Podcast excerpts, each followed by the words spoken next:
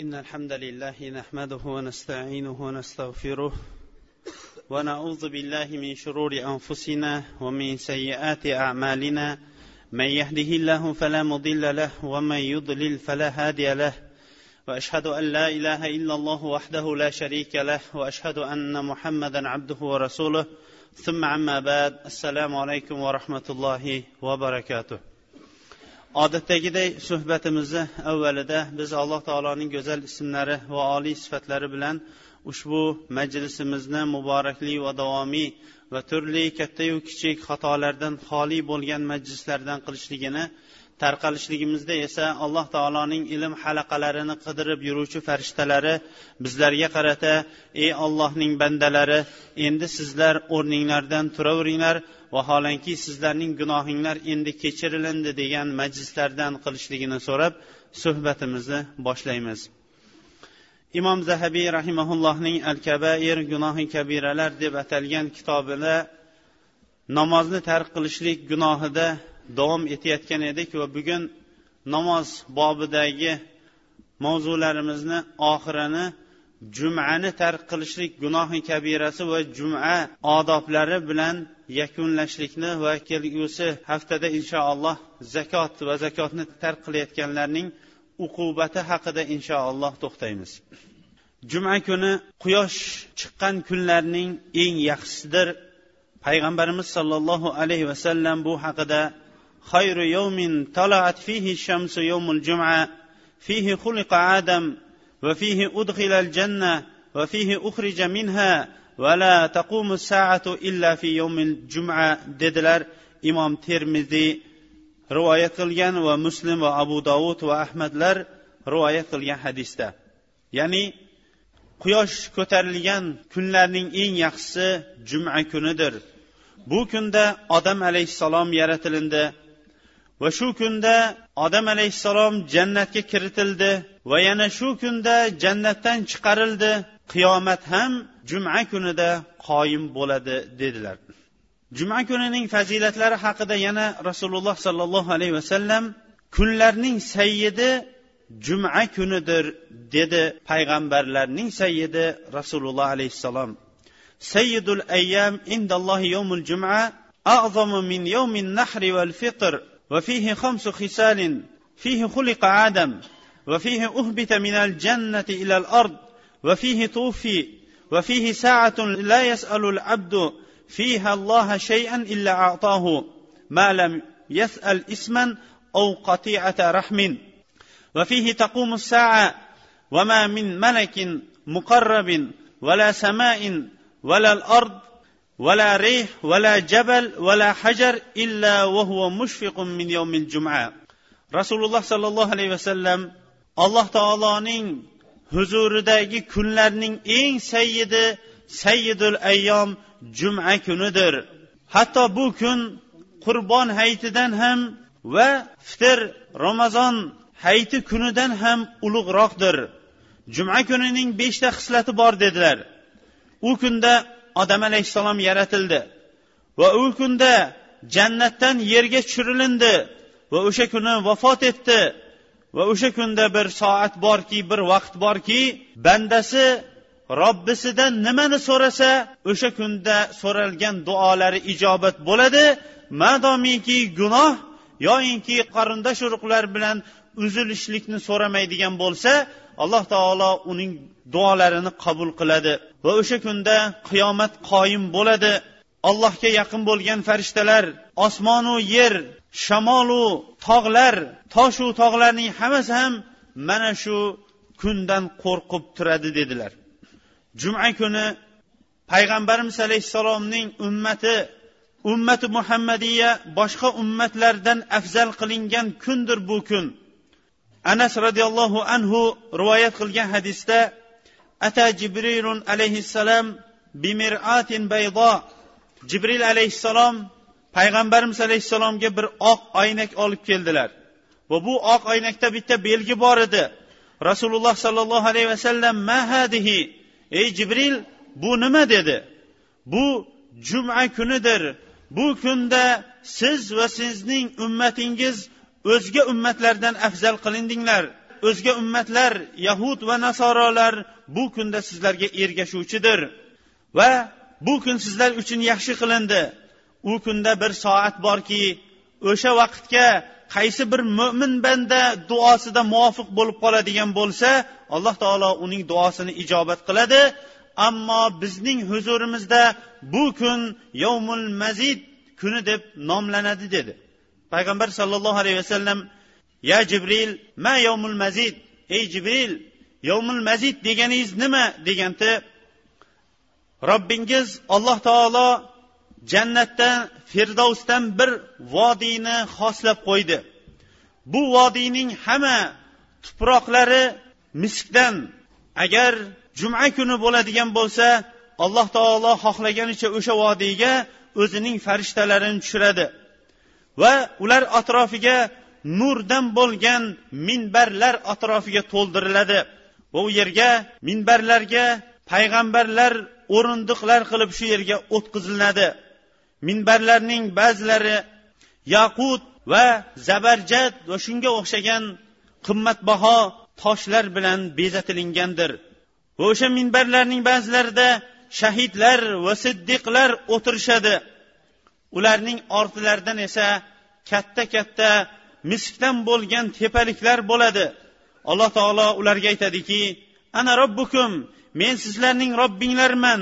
Men sizlarga bergan va'damda mana sodiq bo'ldim.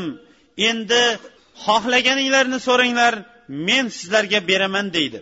Ular esa robbimiz biz sendan roziligingni so'raymiz deb aytishadi. Alloh taolo esa men sizlardan rozi bo'ldim. Va sizlar orzu havas qilgan hamma narsanglar bugun bo'ladi. Va bizni huzurimizda unga yana ziyoda qilib berishlik bordir deydi. Ularning hammalari juma kuni bo'lishligini orzu qilib kutishadi chunki ularga juma kuni robbilari ziyodasi bilan hamma amallarining mukofotlarini ziyodasi bilan beradi. Hadisni imomi tabaroniy avsatda sahih san'at bilan rivoyat qilgan. Boshqa hadislarda alloh subhanahu va taolo bilan jannatdagi insonlarning uchrashishlik kuni ham juma kunida bo'ladi. Ular ollohni ko'rishligi bilan ollohning nuri va ollohning jamolini ko'rganidan keyin jannatga kirgan to'lin oy sifatidagi go'zal eng go'zal insonlar ollohning nuri bilan yana nurlanib go'zalliklariga go'zallik qo'shilishadi degan. Juma kuni musulmonlarning haftalik bayram kuni hisoblanadi. Va u o'tgan juma bilan bu juma o'rtasidagi insonlarning qilgan gunohlari uchun kafforat ham hisoblanadi. Payg'ambarimiz sollallohu alayhi vasallam assalovatul xams va jumatu ilal juma kaffaratun lima baynahunna idajtunibatil kabair. Besh vaqt namoz o'zaro o'rtadagi gunohlar uchun kafforat bo'ladi. Va o'tgan juma bu juma o'rtasidagi gunohlar uchun kafforat bo'ladi agar katta gunohlardan chetlaniladigan bo'lsa deydi. Jumani o'qishlik vojib bo'lgan kishilar uni uzrsiz tark qiladigan bo'lsa katta gunoh amalini qilayotgan hisoblanadi va qiyomat kunida esa alamlantiruvchi azobga loyiq bo'ladi. Abi jad az zomri roziyallohu anhudan أن رسول الله صلى الله عليه وسلم قال من ترك ثلاث جمع تهاونا من غير أزر تبع الله على قلبه rasululloh sollallohu alayhi vasallam aytdiki kim uchta jumani ketma ket dangasalik qilgan holatda dangasaligi sababli tark qiladigan bo'lsa alloh taolo uning qalbini muhrlab qo'yadi dedi kim uchta jumani dangasalik qilib jumaga uchta juma ketma ket kelmaydigan bo'lsa alloh taolo uning qalbini muhrlab qo'yadi dedi.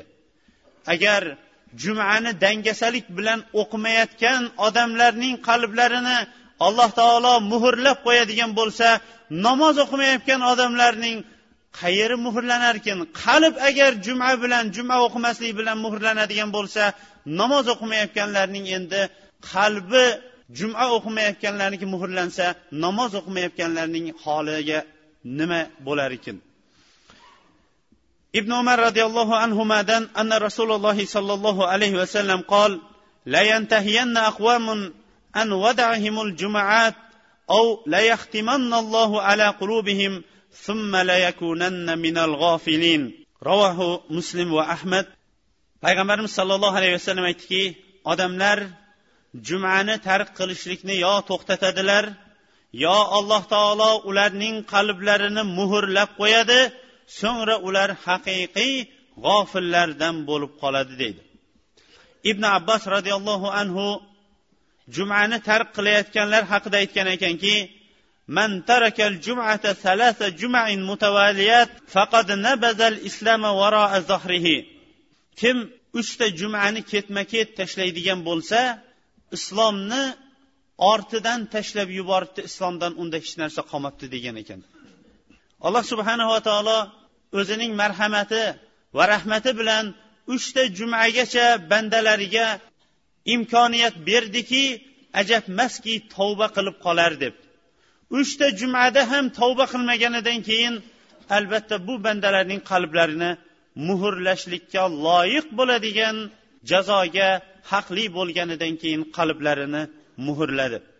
Juma namozi alohida o'zi mustaqil namozdir.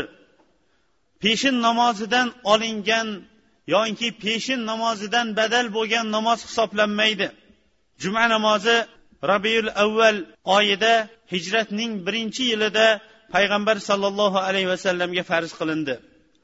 Va rasululloh sollallohu alayhi vasallam eng birinchi o'qigan juma namozi banu solim ibn avf masjidida o'n oltinchi rabiul avvalda birinchi marta rasululloh sollallohu alayhi vasallam juma namozini o'qigan ekanlar. Ammo juma namozi johiliyat davrida yovmil uruba ya'ni ziynatlanadigan kun deb nomlangan ekan uni esa islom kelishligi bilan juma insonlar jamlanadigan kun deb turib chiroyli nom bilan u almashtirildi albatta har bir amallarning o'zining odobi bo'lganligi uchun ham bugun endi jumaning fazilatlarini yuqorida ba'zilarini zikr qildik. Endi juma odoblariga asta sekinlik bilan to'xtab o'tsak. Juma odoblarining eng birinchisi shunchalik katta gunohlar mag'firat qilinishiga sabab bo'lgan bu kun uchun tayyorgarlik ko'rishlik juma odoblarining eng birinchisi hisoblanar ekan. Jumaga tayyorgarlik ko'rishlik juma kechasidan ya'ni payshanba kunidan boshlanadi. Bu kunda mo'min kishi o'zining liboslarini ba'zilari esa o'zining hay'atlarini to'g'irlashlik bilan ertangi ulug' bayram uchun tayyorgarlik ko'radi. Alloh subhanava taolo bu haqida mana shunaqa savobli ishlarda musobaqa o'ynashadiganlar bir birlari bilan musobaqa o'ynashadi deydi. O'tgan salaf solihlarning bittasi aytgan ekanki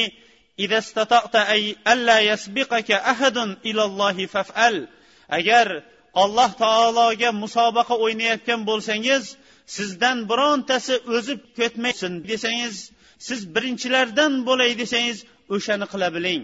kim olloh uchun musobaqa o'ynayotgan bo'lsa birinchilardan bo'la biladigan bo'lsa birinchilardan bo'lsin degan ekanlar juma odoblarining yana bittasi payg'ambarimiz sollallohu alayhi vasallamga ko'proq salotu salomlar aytishlikdir avs ibn abi avs roziyallohu anhudan أن النبي صلى الله عليه وسلم قال إن من أفضل أيامكم يوم الجمعة فيه خلق آدم وفيه قبض وفيه النفقة وفيه الصعق فأكثروا من الصلاة علي فيه فإن صلاتكم معروضة علي.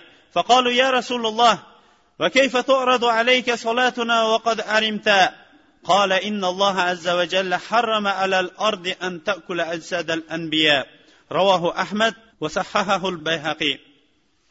rasululloh sollallohu alayhi vasallam aytdiki sizlarning ayyomlaringiz ichidagi eng afzali juma kunidir. Bu kunda odam alayhissalom yaratilindi va o'sha kunda vafot etdi va o'sha kunda qiyomat qoyim bo'lib nafqa bo'ladi va o'sha kunda insonlar o'zlarining xushlaridan ketadi. O'sha kunda menga ko'proq salovatlar aytinglar chunki salovatinglar menga ko'ldarang qilib turiladi dedi. Shunda sahobalar ya rasululloh qanday qilib sizga salovatlarimiz ko'ldarang qilib turiladi vaholanki siz vafot etib chirib ketgan bo'lmaysizmi deganda rasululloh sollallohu alayhi vasallam aytdilarki alloh taolo yerga payg'ambarlarning jasadlarini yeyishlikni harom qildi dedi boshqa bir hadisda فأكثروا علي من الصلاة في كل يوم جمعة فإن صلاة أمتي تعرض علي في كل يوم جمعة فمن كان aksarukum alayya solatan kana aksarukum minni manzilatan hadisni abu umama rivoyat qilgan imom bayhaqiy esa san'at isnod bilan chiqarganlar menga juma kunida dedilar rasululloh alayhissalom ko'proq salotu salomlar yo'llanglar chunki ummatimning salovatlari juma kunida menga ko'ldarang bo'lib turadi kim menga ko'proq salovat aytadigan bo'lsa menga manzilati yaqin bo'lgan insonlardan hisoblanadi dedi. Ibn masud roziyallohu anhu rivoyat qilgan hadisda inna lillahi malaikatan sayyahin yuballig'unani an ummati salam yer yuzasida alloh taoloning sayohat qilib yuruvchi farishtalari bor dedi. O'sha farishtalar ichida bir toifasi ummatimning salomini menga yetkazib turadi dedi. Agar mana shu o'rinda har bir inson payg'ambarimiz alayhissalomga salovat aytadigan bo'lsa har bir insondan o'sha farishtalar payg'ambarimiz alayhissalomga salotu salomlarini yo'llab turadi. Shuning uchun ham ulamolarimiz aytganki juma kunida qilinadigan eng afzal amallarning bittasi rasululloh sollallohu alayhi vasallamga salovat aytishlik desa ba'zilari qur'on o'qishlikdan ham afzaldir. Chunki bu kunda qur'on o'qishlikdan ko'ra ko'proq payg'ambarimiz alayhissalomga salovat aytishlik ko'proq buyurilgandir deyishgan. Juma kuni qilinadigan amallarning yana bittasi bomdod namozidan keyin juma uchun g'usul qilishlik misvak ishlatishlik va xushbo'y hidlarni sepishlikdir. Payg'ambarimiz sollallohu alayhi vasallam man iqtasala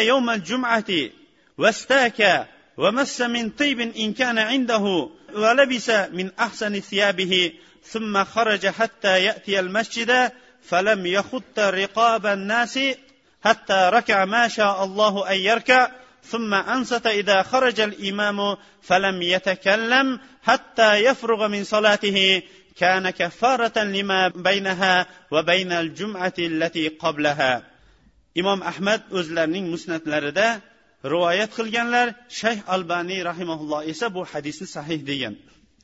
Rasululloh alayhissalom aytdilarki kim juma kuni g'usul qilsa va xushbo'y hidlaridan sepadigan bo'lsa agar xushbo'y hidlaridan sepadigan atirlari bo'lsa dedi.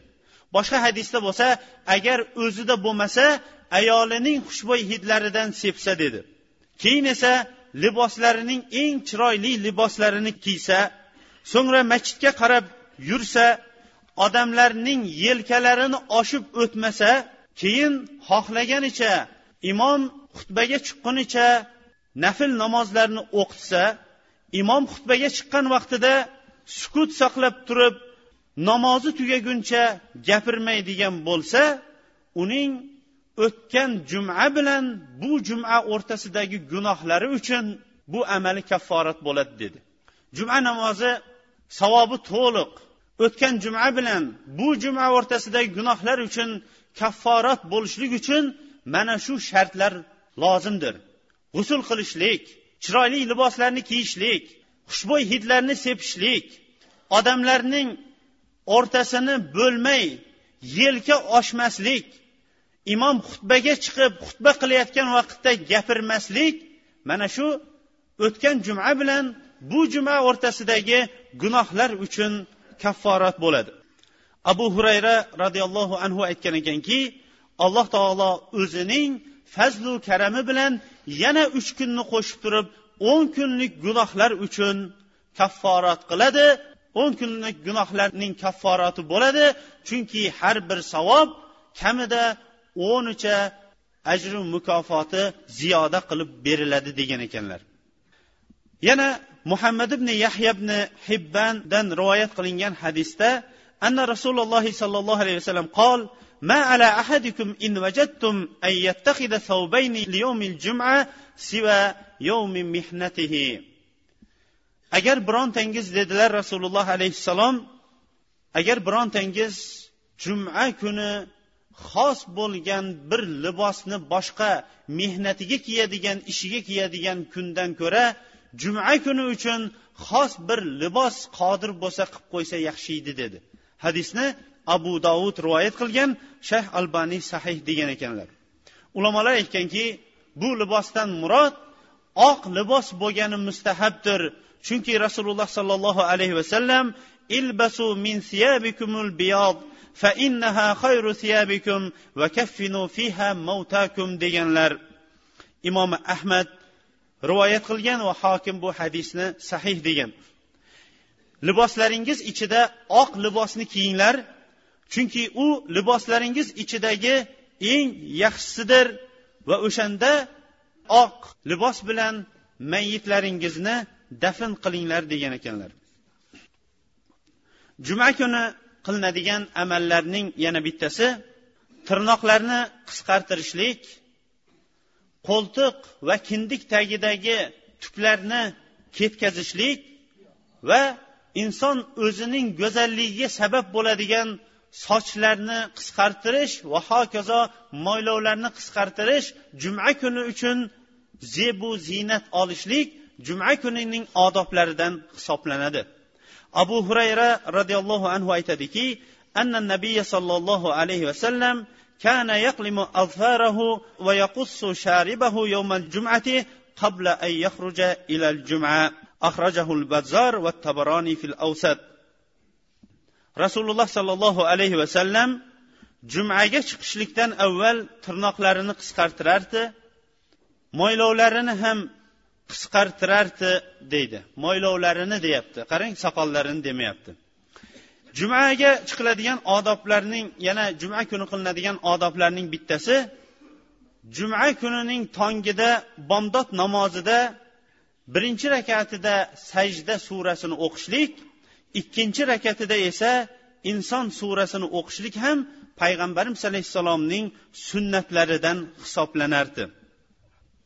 Ibn abbos roziyallohu anhu aytadiki payg'ambar sollallohu alayhi vasallam juma kuni bomdod namoziga alif lam mim tanzil surasini o'qirdi. Ya'ni bu sajda surasi. Keyingisiga esa ba'zan inson ba'zan esa munafiqun surasini o'qirdi deydilar. Demak bu suralarni o'qishlik juma kunining bomdodida o'qishlik sunnatdir.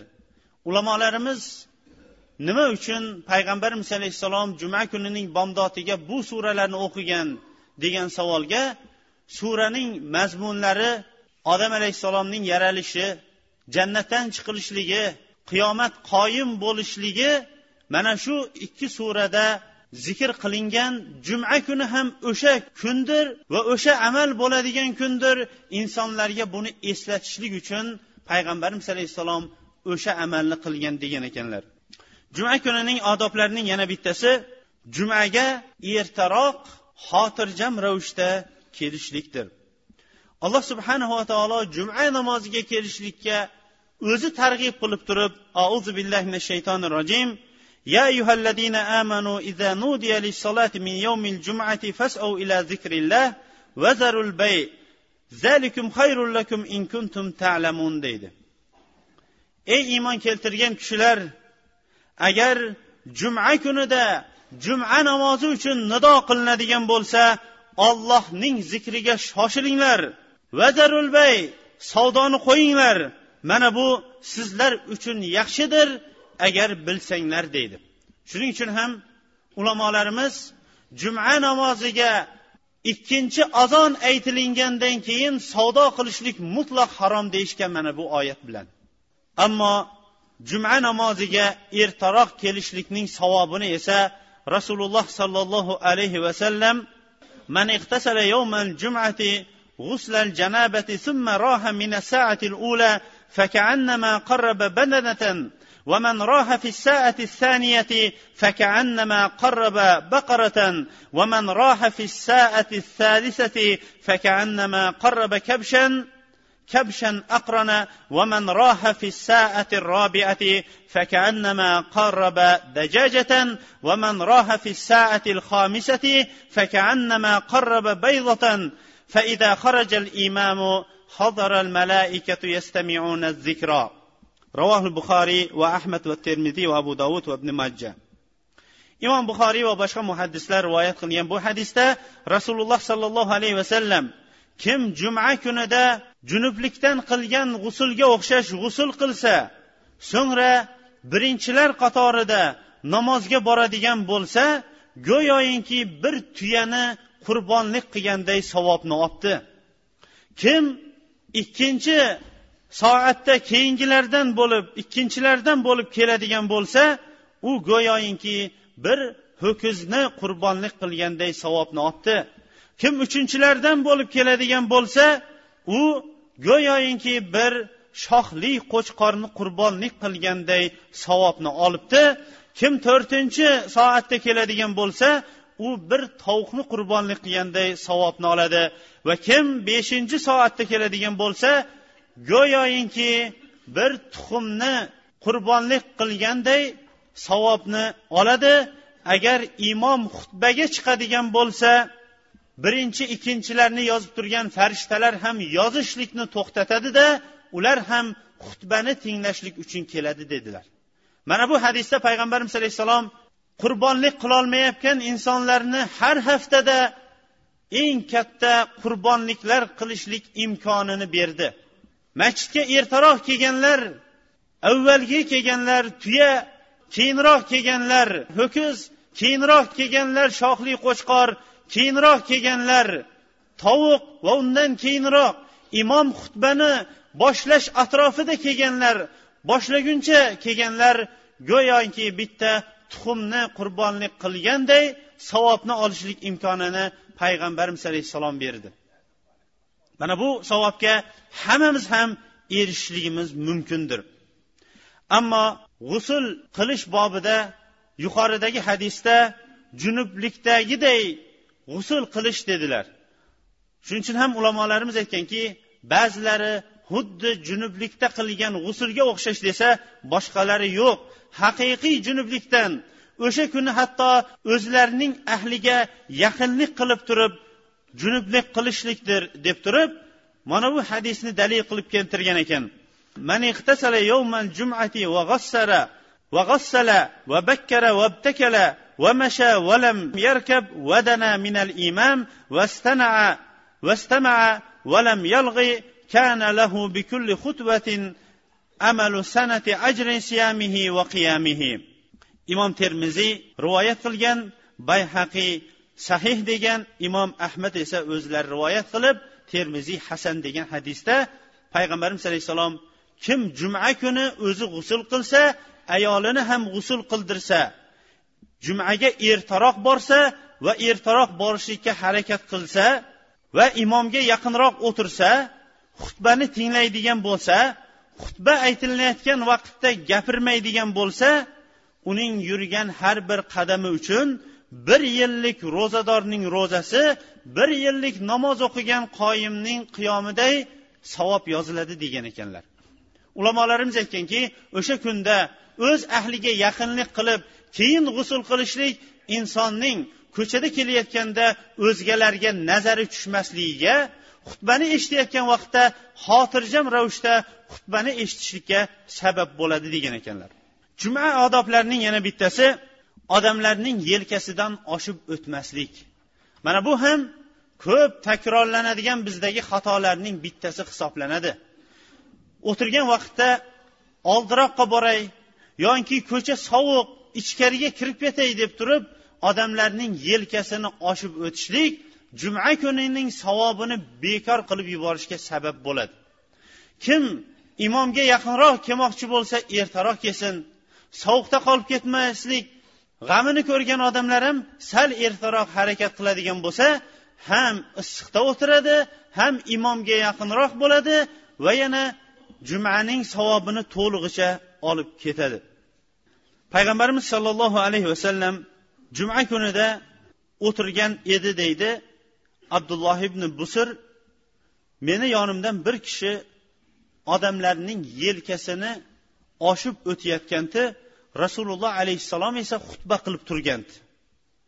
Shunda rasululloh alayhissalom joyingizga o'tiring odamlarga ozor berdingiz dedi. Ulamolar faqatgina bitta o'rindagina ruxsat bergan u ham bo'lsa oldida ochiq joyni ko'radigan bo'lsa o'shangagina o'tishlik ruxsat bo'lmasam odamlarning yelkasini oshib o'tishligi mumkin emasdir degan.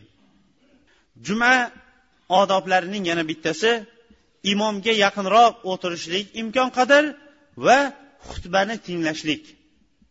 Xutbani tinglashlik deganda xutba vaqtida gapirmaslik. Payg'ambarimiz sollallohu alayhi vasallam abu hurayra roziyallohu anhudan rivoyat qilgan hadisda man قال يوم jum'ati والإمام imamu yaxtub فقد faqad رواه البخاري ومسلم va muslim va ahmad va termiziy va nasaiy kim juma kunida imom xutba qilib turgan vaqtda ikkita gapirayotgan odamni ko'rib gapirma deydigan bo'lsa shuning o'zi ham o'zining savobini ketkazib bo'libdi dedi. Gapirayotgan odamga gapirma degan odamning o'zi ham lag'u qilibdi savobini ketkazib qo'yibdi dedi. Shuning uchun ham xosatan xutba qilinayotgan vaqtda biron bir kishi gapirmasligi kerak. Gapirib qo'yishligi esa o'sha kunning savobini behuda qilib yuboradi. Juma kunining odoblaridan yana bittasi juma kuni masjidga kirgan kishi ikki rakat tahiyatul masjidni o'qib turib ana undan keyin o'tirishligi. Ibn umar roziyallohu anhuma juma kuni masjidga kelsalar deydi nafi. Nafi buyuk tobiinlardan xohlaganicha imom xutbaga chiqqunicha namoz o'qirdi va namozini uzun o'qirdi. Agar imom xutbaga chiqadigan bo'lsa namozini to'xtatardi. Keyin aytadilarki payg'ambar alayhissalom mana shunday amal qilardi deydi. Sulaykinul g'atafoniy bir kuni payg'ambarimiz alayhissalom xutba qilib turgan vaqtida masjidga kirib keldi. Payg'ambarimiz alayhissalom xutbasini to'xtatib namoz o'qidingizmi? dedi.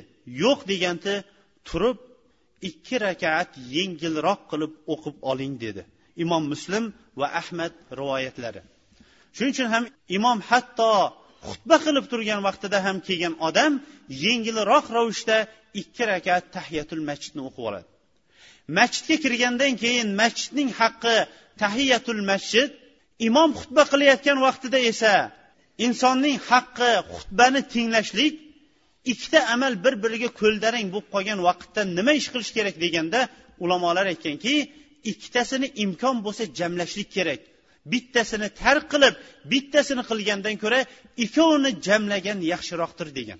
Shuning uchun ham yengilroq ravishda tahiyatul masjidni o'qib keyin mana payg'ambarimiz alayhissalomning o'zlarining gaplari va amallari va sahoba va tobiinlarning amali mana shu bo'lgan.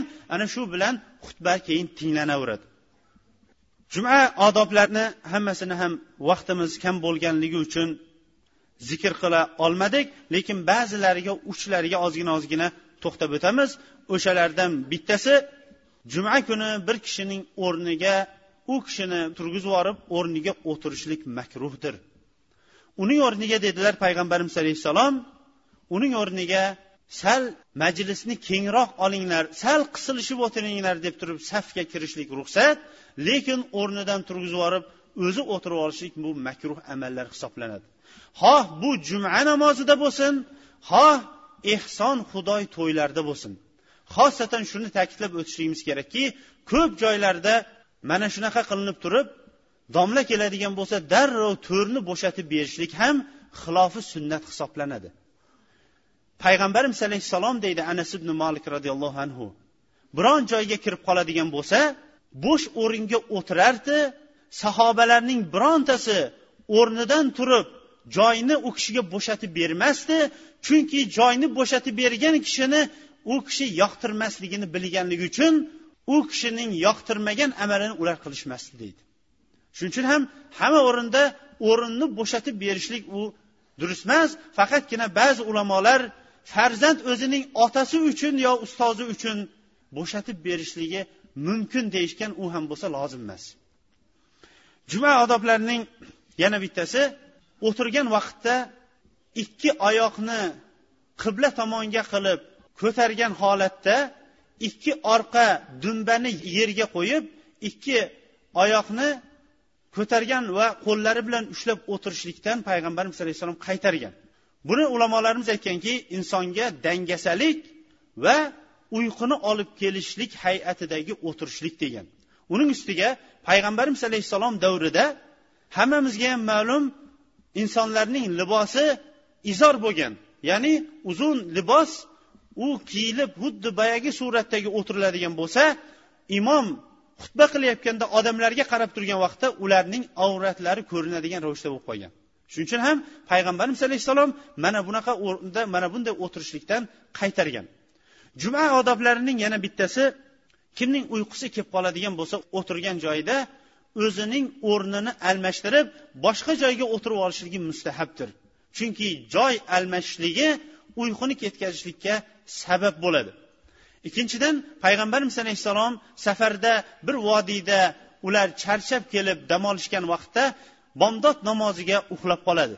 Keyin aytadiki darrov bu vodiydan bu vodiydan boshqa joyga ko'chaylik chunki bu vodiyda shaytonlar hozir bo'pti dedi. Juma kunida qilinadigan odob amallarning yana bittasi juma kunida kaf surasini o'qishlikdir. Payg'ambarimiz alayhissalom kim juma kunida kaf surasini o'qiydigan bo'lsa unga ikki juma o'rtasida alloh taolo uni munavvar nurli qilib qo'yadi dedi.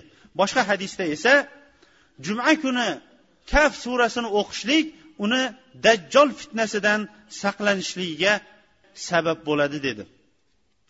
Juma kuni qilinadigan amallar yana nihoyatda ko'p o'shalardan bittasi yaqinlarni ziyorat qilishlik va hokazo bu odoblarning hammasiga ham to'xtay olmadik إن الحمد لله نحمده ونستعينه ونستغفره ونعوذ بالله من شرور أنفسنا ومن سيئات أعمالنا من يهده الله فلا مضل له ومن يضلل فلا هادي له واشهد ان لا اله الا الله وحده لا شريك له وأشهد أن محمدا عبده ورسوله. أعوذ بالله من الشيطان الرجيم. يا أيها الناس اتقوا الله حق تقاته ولا تموتن إلا وأنتم مسلمون. أعوذ بالله من الشيطان الرجيم. يا أيها الناس اتقوا الله وقولوا قولا سديدا. يصلح لكم أعمالكم ويغفر لكم ذنوبكم. ومن يطع الله ورسوله فقد فاز فوزا عظيما. أعوذ بالله من الشيطان الرجيم. يا ايها الناس اتقوا ربكم الذي خلقكم من نفس واحده وخلق منها زوجها وبث منهما رجالا كثيرا ونساء واتقوا الله الذي تساءلون به والارحام ان الله كان عليكم رقيبا ثم اما بعد alloh subhanava taolo yer yuzasiga qo'yib qo'yilgan qonunlarning yana bittasi fasllarning o'zgarishligidir Yurtimizga bahor fasli kirib kelayotganligi bilan insonlarning ko'pchiligi bu yil qiladigan amallari uchun tayyorgarliklarni ko'rib yuborishdi. Dehqonlar o'zlari yemay ichmay yiqqan mablag'lari uchun o'zlarining urug'larini urug'liklarini oladigan bo'lsa ba'zilari esa yerni to'g'irlashlik ba'zilari esa shunga o'xshagan boshqa dehqonchilik va obodonlashtirishlik ishlari uchun harakatlarini boshlab yuborishdi.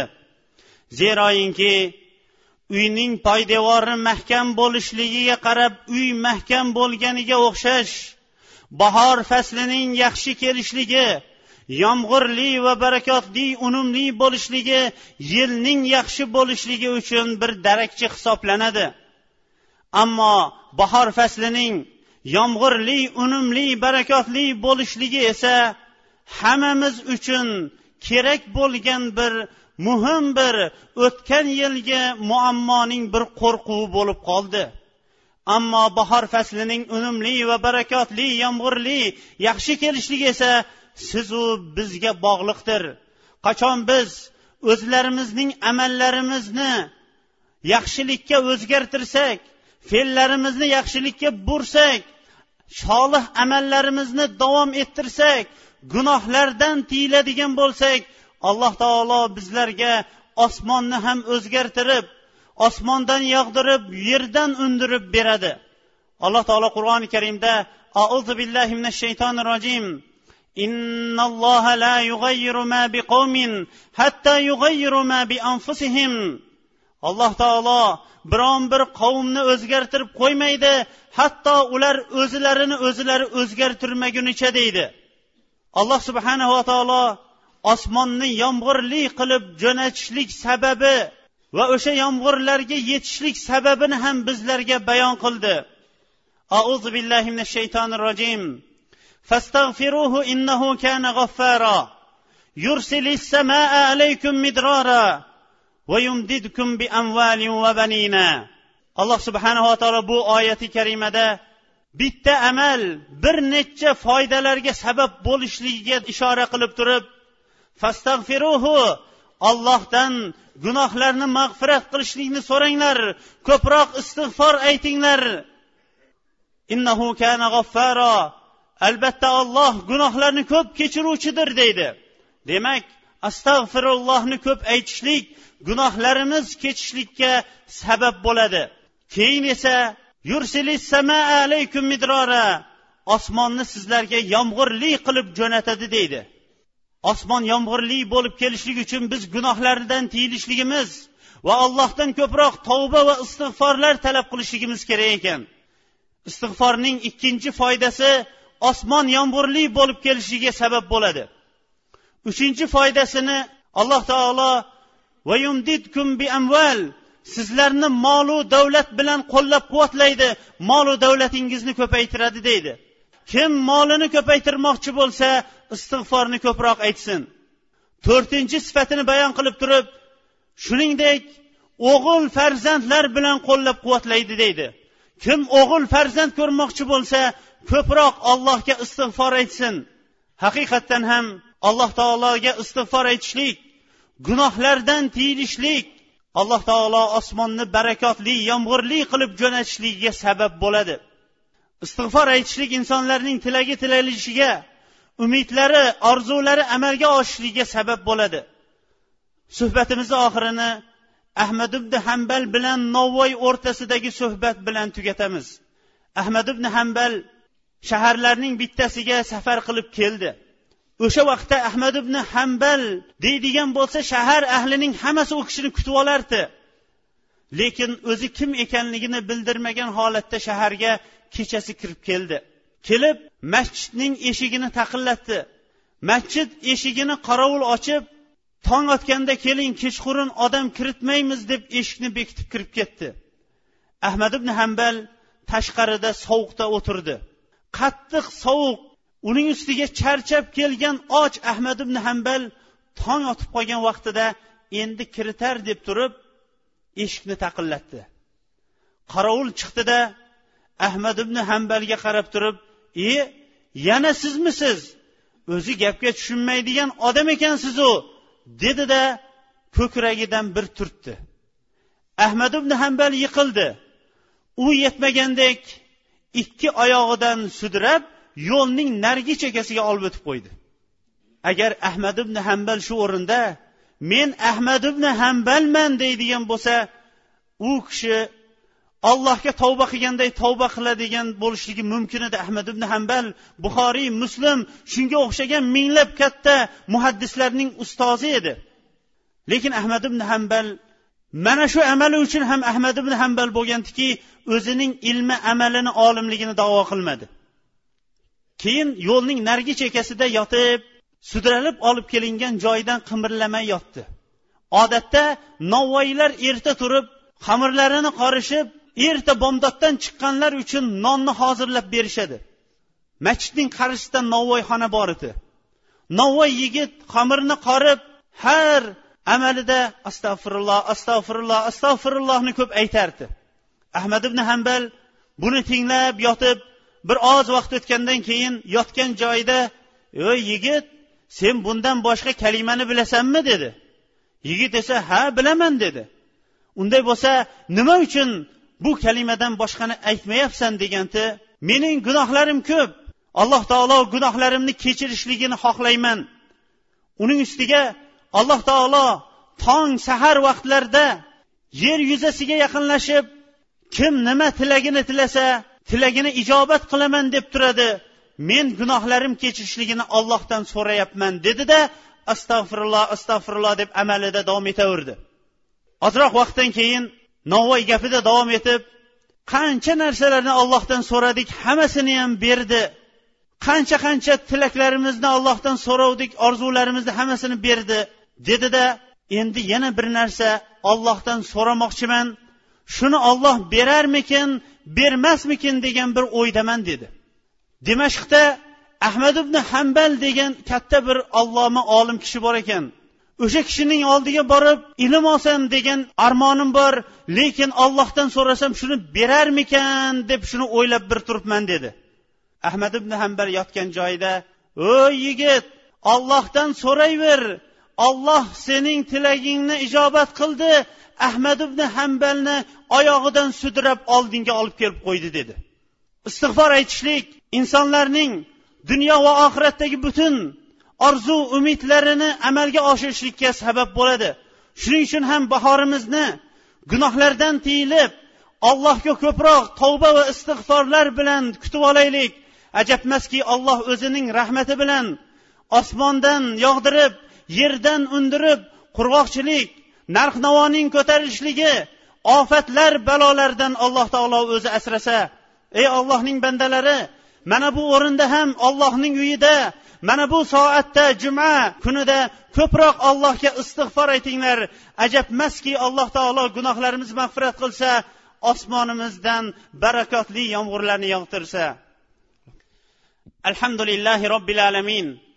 ar rohmanir rohim maliki yawmiddin والصلاة والسلام على نبينا محمد وعلى آله وصحبه أجمعين insonlarning boshiga tushadigan musibatlar ular uchun keladigan qurg'oqchilik yillari turli ofatlar mevalardagi qahatlar narx navoning oshib ketishligi yer ofatlari zilzila yer yutish va shunga o'xshagan ofatlarning hamma hammalari ham insonlar qo'llari bilan kasb qilgan gunohlar sababli keladi أعوذ بالله من الشيطان الرجيم وما أصابكم من مصيبة إلا بما كسبت أيديكم sizlarga qaysi bir musibat kelmasin alloh taolo qaysi musibat bo'lmasin deyapti ularning hammasi sizlar o'z qo'llaringlar bilan kasb qilgan gunohlar sabablidir deydi shuning uchun ham mana shu minbarda turib avvalambor o'zimizni keyin esa barcha barchalarni turli kattayu kichik gunohlardan tavba qilishlikka va gunohlardan tiyilishlikka chaqiramiz.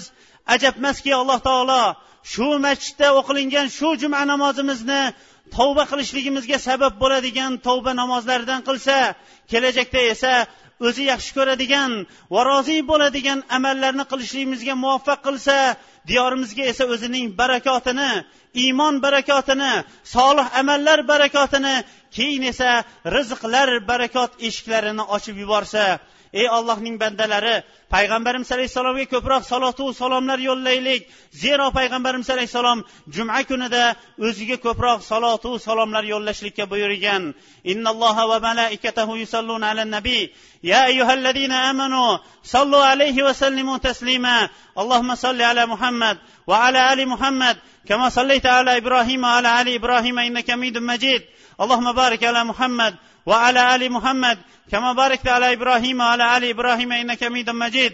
اللهم أعز الإسلام والمسلمين وأذل الشرك والمشركين واحم حفظه الدين. اللهم يا رب المستضعفين نج المستضعفين في العالم. اللهم يا رب المستضعفين نج المستضعفين في العالم. اللهم يا رب المستضعفين نج المستضعفين في العالم. اللهم انصر الإسلام والمسلمين. اللهم انصر الإسلام والمسلمين. اللهم اشف مرضانا ومرضى المسلمين. اللهم اشف مرضانا ومرضى المسلمين. اللهم اشف مرضانا ومرضى المسلمين. اللهم اقض الدين عن المدينين. واقض الدين عن المدينين. اللهم اقض الدين عن المدينين. اللهم ما كان حاجة من حوائج المسلمين إلا قضيت وأديت. وانصر ونصرت على مظلومه يا ذا الجلال والإكرام. اللهم أعز الإسلام والمسلمين وأذل الشرك والمشركين. اللهم إنا نسألك من الخيرين ونعوذ بك من الشرين. عباد الله فاذكروا الله ذكرا كثيرا وسبحوه بكرة واصيلا. وآخر دعوانا أن الحمد لله رب العالمين.